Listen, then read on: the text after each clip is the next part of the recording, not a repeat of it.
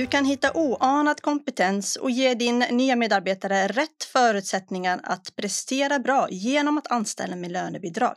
Vill du veta vad det innebär och hur det går till? I det här avsnittet får du höra arbetsförmedlaren Robin Lindblad som är specialist på lönebidrag berätta vad anställningen med lönebidrag innebär och hur du som arbetsgivare kan lyckas med det. Det här är Arbetsförmedlingens arbetsgivarpodd med mig Miranda Nor Forsberg.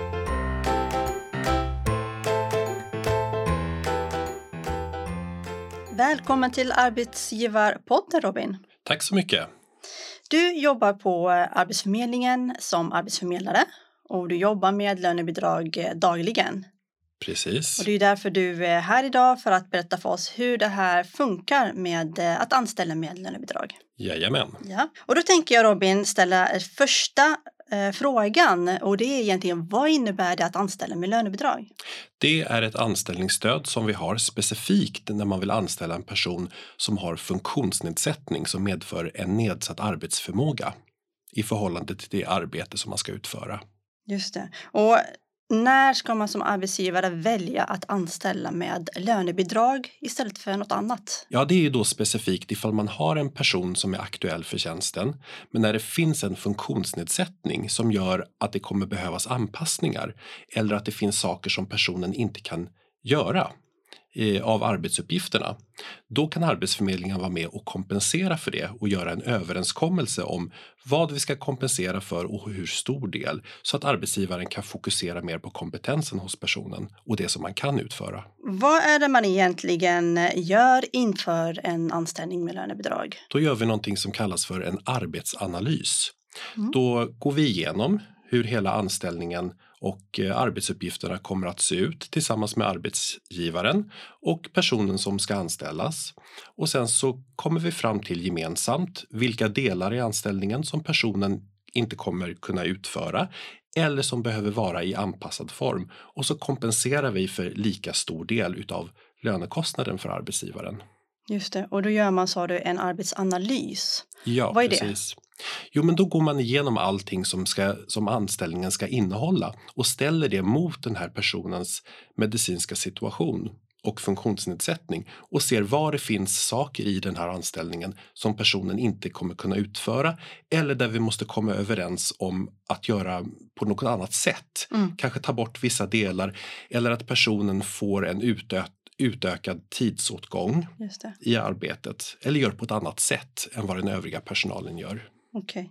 Och du behöver alltså personen eh, på något sätt styrka sin funktionsnedsättning eller hur funkar det?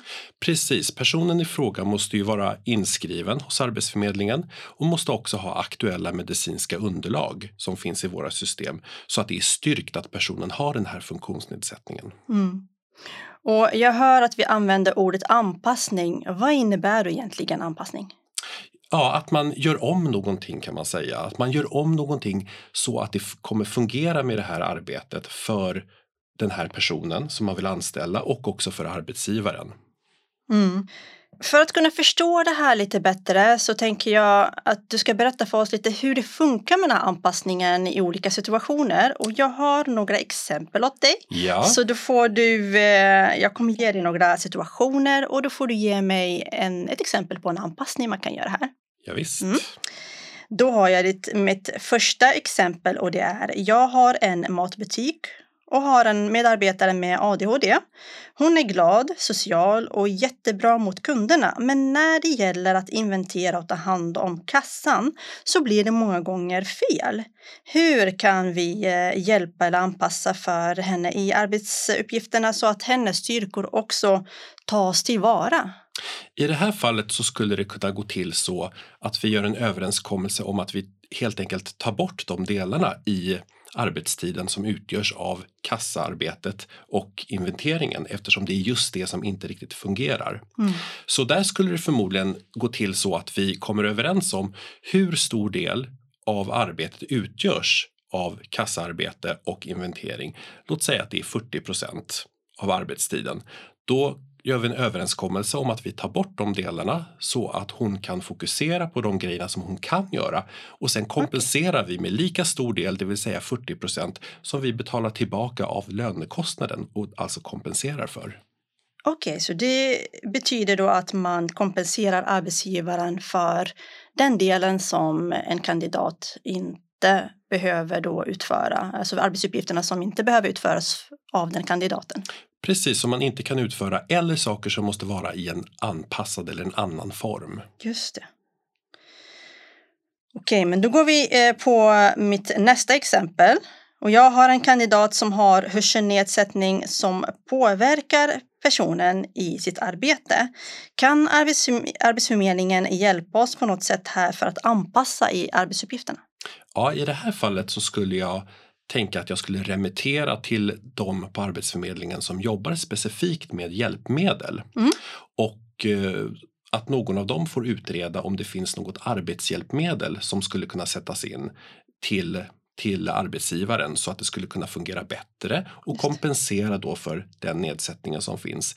Eventuellt så kan det hända att det fortfarande finns en funktionsnedsättning, att man kanske måste anpassa arbetstempot för den här personen skulle kunna vara ett exempel. Så då skulle vi förmodligen kanske kunna gå in med ett lönebidrag och kompensera för någon del av arbetet också utifrån ah. vad arbetsanalysen visar.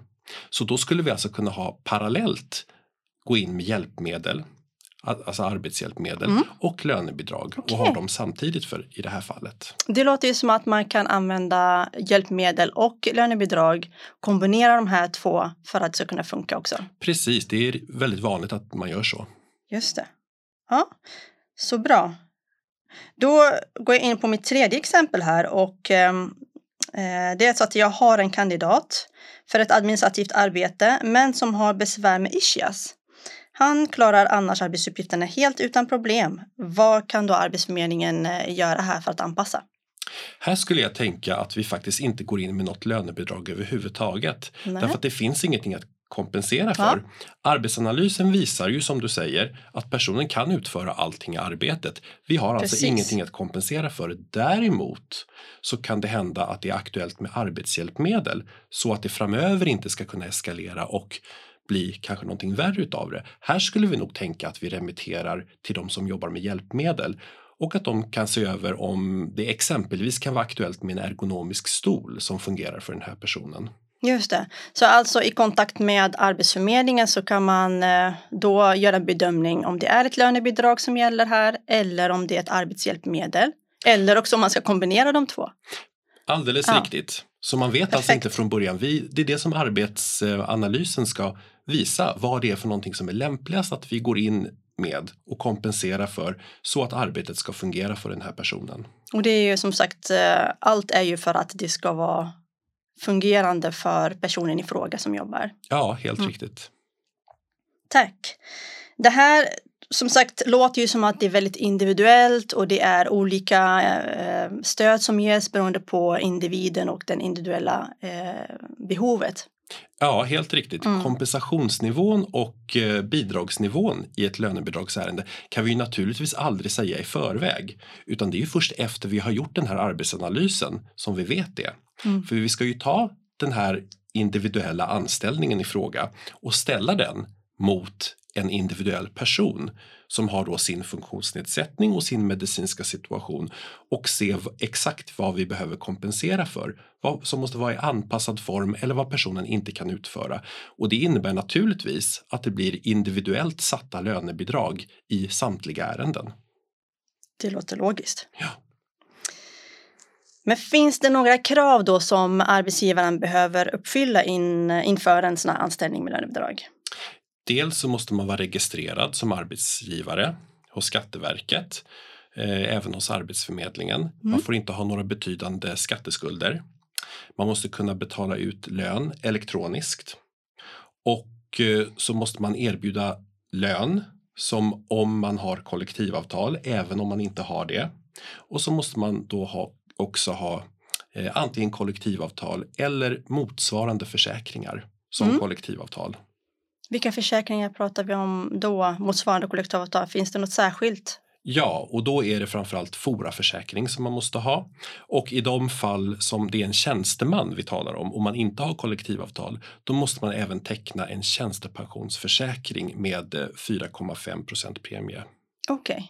Och om jag nu som arbetsgivare tycker att det här med försäkringen låter väldigt komplicerat, kan jag få hjälp med att ta reda på vilka som gäller? Ja, absolut. Då kontaktar man Arbetsförmedlingen för arbetsgivare mm.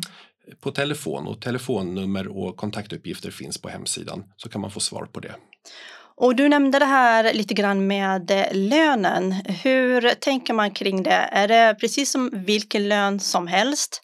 Eh, eller något särskilt om man får en anställning med lönebidrag? Hur funkar det? Man ska alltså erbjuda lön som om personen inte hade haft den här funktionsnedsättningen.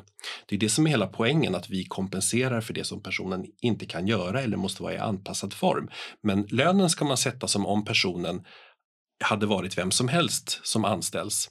Och lönenivån, den bestämmer heller inte vi, utan den ska man sätta som om man hade haft kollektivavtal, även om man inte har det och kvalificerar via Foraförsäkring istället. Så är det viktigt att man får en av, avtalsenlig lön och i varje enskilt lönebidragsärende så gör vi också någonting som kallas för ett samråd med det fackförbundet som har yrkesområdet i fråga och de uttalar sig och skickar in ett yttrande. Just det. Så alltså lönen är precis som vilken lön som helst som man går in med på ett lönebidrag och sen gör Arbetsförmedlingen en bedömning av vilken anpassning man behöver gå in med och där blir kompensationen tillbaka till, arbetsgivaren. Helt riktigt. Ja, då har jag förstått. Mm.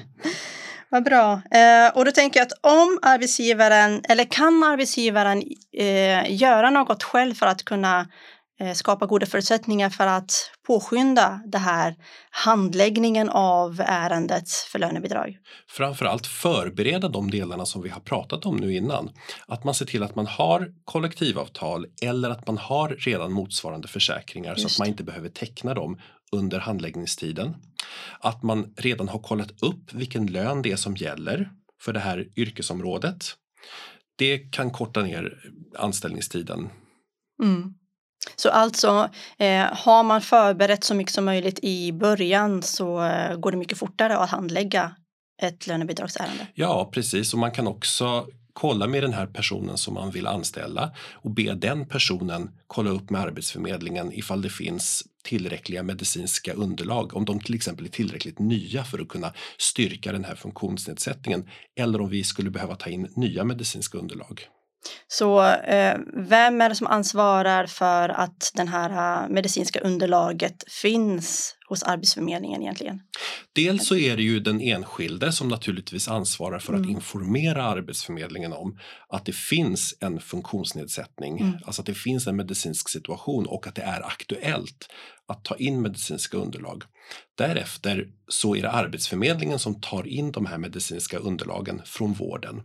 Men den enskilde måste då också kunna uppge en vårdkontakt för det måste finnas en etablerad vårdkontakt redan som vi kan begära in underlagen från. Mm. Hur eh, funkar det då med sekretess i det här fallet? Kan Arbetsförmedlingen prata öppet med arbetsgivaren om eh, den enskildas eh, funktionsnedsättning eller var går gränsen? Nej, utan egentligen bara om det som den enskilda personen har gett sitt medgivande till att vi ska prata om. Mm. Och ofta så blir det ju, så faller det sig naturligt vad det är för någonting i den här arbetsanalysen som vi behöver prata om. Men om det skulle finnas någon del i den medicinska situationen hos den enskilde som personen inte vill att vi ska prata om, då får vi inte göra det. Så det är egentligen bara det som den enskilde eh, ger sitt godkännande för att man pratar om som, som blir eh, underlag för ett lönebidrag? Ja, precis. Så man inte berättar om någon annan funktionsnedsättning man har så blir inte den anpassad heller kan jag tänka mig. Nej, då blir det ju väldigt svårt att ta hänsyn till det. Om jag då som jobbar med lönebidrag inte får samtala med arbetsgivaren om en specifik del av funktionsnedsättningen, då blir det ju väldigt svårt att göra överenskommelse om anpassning. Så den delen utesluts ju då ur arbetsanalysen. Ja, precis. Så då kan man ju vara trygg som arbetssökande i det här då att man bara endast att Arbetsförmedlingen endast pratar om det som man ger godkännande för. Ja, helt riktigt. Och självklart är det också så att vi får inte berätta för arbetsgivaren vad det står i de här medicinska underlagen som Nej. vi har i våra system. Om jag nu som arbetsgivare är intresserad av att anställa med lönebidrag, hur går jag tillväga? Då går man in på Arbetsförmedlingens hemsida och gör en intresseanmälan. Man klickar sig vidare från delen där det står för arbetsgivare. Så gör man en intresseanmälan där och då tar vi emot en intresseanmälan och då börjar handläggningsprocessen och man kommer bli kontaktad. Och nu tänkte jag Robin gå in på mitt eh, sista, min sista fråga, men ändå en väldigt viktig fråga. Och eh, om jag då är en arbetsgivare som vill anställa, vad, vad vinner jag på att anställa med lönebidrag? Dels att man kan få en större mångfald på arbetsplatsen, men jag skulle säga framför allt att man kan fokusera på kompetensen, rätt person på rätt tjänst och inte se en eventuell funktionsnedsättning som finns därför att där kommer vi kunna vara med och kompensera. Mm. Jättebra. Det ger ju förutsättningarna för att verkligen fokusera på kompetensen. Precis, fokusera på det som personen kan. Mm. Och nu slutligen så tänker jag, har något eh, som du vill, eh, något sista ord som du vill lyfta fram, någonting som du vill skicka med arbetsgivare som du är intresserad av att anställa med lönebidrag? Förbered gärna så mycket som möjligt av det som vi har pratat om tidigare så förkortar det handläggningstiden. Och eh, kom ihåg också att man måste kunna inkomma med ett anställningsavtal som täcker in lönebidragsperioden inom en månad från startdatumet på anställningen. Jätteviktigt också, självklart. Mm, och också att det här gäller enbart för nyanställningar. Tusen tack Robin för att du kom hit och berättade för oss om hur det funkar med att anställa med lönebidrag. Tack så mycket. Och vill du veta mer om att anställa med lönebidrag så kan du gå in på arbetsförmedlingen.se och söka på lönebidrag. Där hittar du både information och en intresseanmälan ifall du är intresserad av att anställa.